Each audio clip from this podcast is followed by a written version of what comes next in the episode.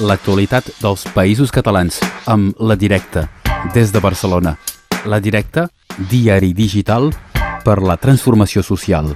A Ràdio Arels. Entrem en comunicació amb Eloi La Torre. Bon dia, Eloi. Bon dia, Laura. Des de la redacció de la, la Directa, aquest, aquesta setmana parlem de, evidentment, un nou número del paper, és el 554 i a la portada una data, 12 d'octubre 1492. Així és, aquesta vegada doncs, parlem d'això, fem un reportatge, viatgem una, un, uns quants segles en el temps, perquè coincideix que aquest any també fa 530 eh, anys del, que es considera, doncs, així, erròniament descobriment d'Amèrica, no?, en el relat que s'ha fet a Europa i a l'estat espanyol, i aleshores, doncs, com que la setmana eh, vinent doncs és el 12 d'octubre, que és un dia que és festiu a l'estat espanyol i en molts països americans també ho és, doncs, eh, per commemorar aquest descobriment, entre cometes, d'Amèrica. Nosaltres hem bussejat en el, en el, en el, a través del temps i hem volgut fer un reportatge explicant doncs, realment què va suposar doncs, aquesta arribada, aquesta presa de contacte europea en el que avui coneixem com a continent americà a partir de l'arribada de, del primer viatge de Cristòfol Colom a Amèrica i els segles següents de dominació eh, espanyola, sobretot, en, a, en a bona part del continent americà.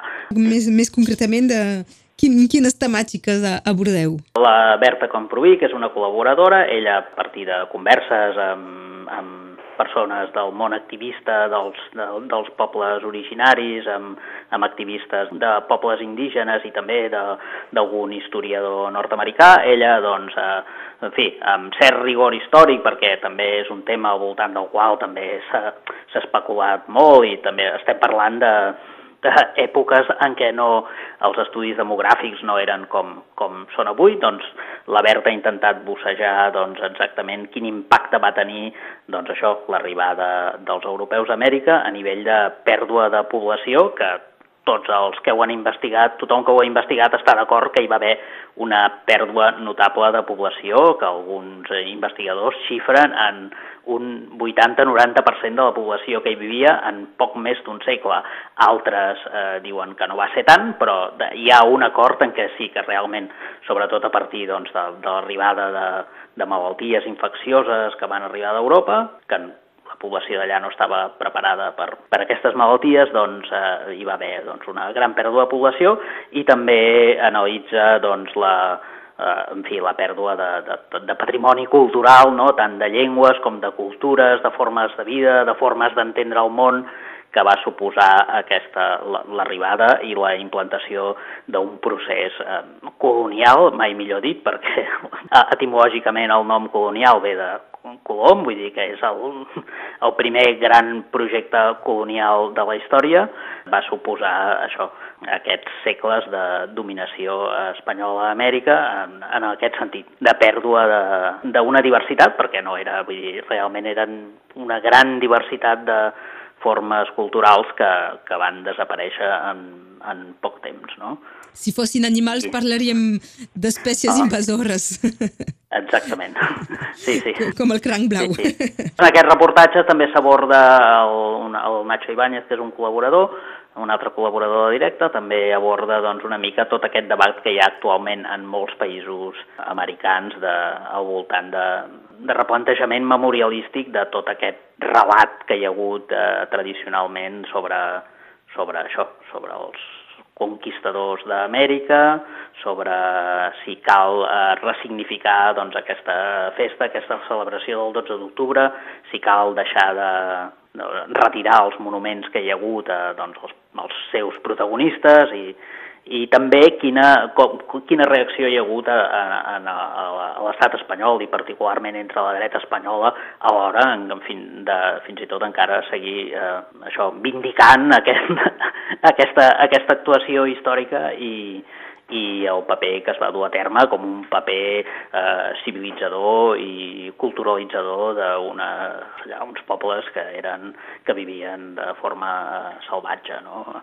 Eh, bueno, aquest debat que hi és i després també hi ha una fem una petita peça en què desgranem alguns personatges històrics que eren catalans, alguns mallorquins, en definitiva, que parlaven català, però que també van tenir participació en, bueno, en això, en el procés de, de, de conquesta, entre cometes, d'Amèrica. Això no és massa conegut, perquè en general els personatges que s'han destacat més històricament no són aquests catalans, eh, sembla com si no hi haguessin participat, però també n'hi va haver, en definitiva era gent que parlava català, i bueno, els, els recordem, alguns estan, alguns fins i tot tenen una representació en el monument que té Cristòfol Colom a Barcelona, eh, apareixen allà doncs, representats en el, en el programa escultòric d'aquest monument, no? i per, també els desgranem una miqueta. Per saber-ne més és a, a la directa, aquest número 554. Uh, Eloi, per parlar d'altres temàtiques que també uh, tracteu a, a més d'aquest dossier, uh, hi ha l'intel·ligència artificial, per exemple. Sí, en les pàgines uh, culturals fem un, un reportatge jo penso que molt interessant i que obre moltes preguntes, no? més preguntes que respostes, sobre bueno, les, les recerques i les, les consecucions que hi està havent en l'àmbit de, la, de la intel·ligència artificial, d'eines noves que s'estan que estan apareixent, que algunes fins i tot eh, són accessibles per qualsevol persona a través d'internet i que, bueno, sobretot parlem la, la Míriam Tijani, que és la companya que ha liderat aquest reportatge, eh, doncs, eh, parla sobretot d'eines en l'àmbit de la producció eh, cultural, que podríem dir, tant de la producció artística, la il·lustració, la, això, la, bueno, la manipulació a partir de fotografies i bueno, quins, quins, quins debats s'obren aquí tant a, a nivell laboral, perquè si ja hi ha eines que amb un minut apretant dos botons i omplint quatre camps tenen la capacitat per fer una il·lustració d'una qualitat extraordinària i, doncs, en fi, la gent que es dediquen a, que es dediquen a aquest camp aquest camp laboral, doncs, en fi, evidentment doncs, això els hi planteja doncs, certs dubtes i també a, a nivell de drets, d'autoria, eh, això, del que coneixem això com a, com a copyright, doncs eh, què passa a partir d'aquesta nova forma d'operar. Podem esmentar també la revolta de les dones a, a l'Iran.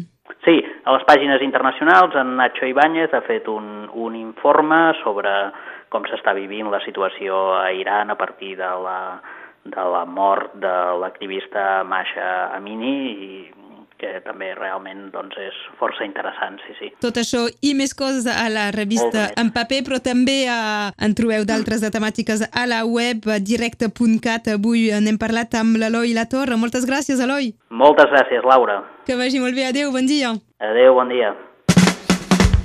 L'actualitat dels països catalans amb La Directa, des de Barcelona. La Directa, diari digital per la transformació social. A Ràdio Arels.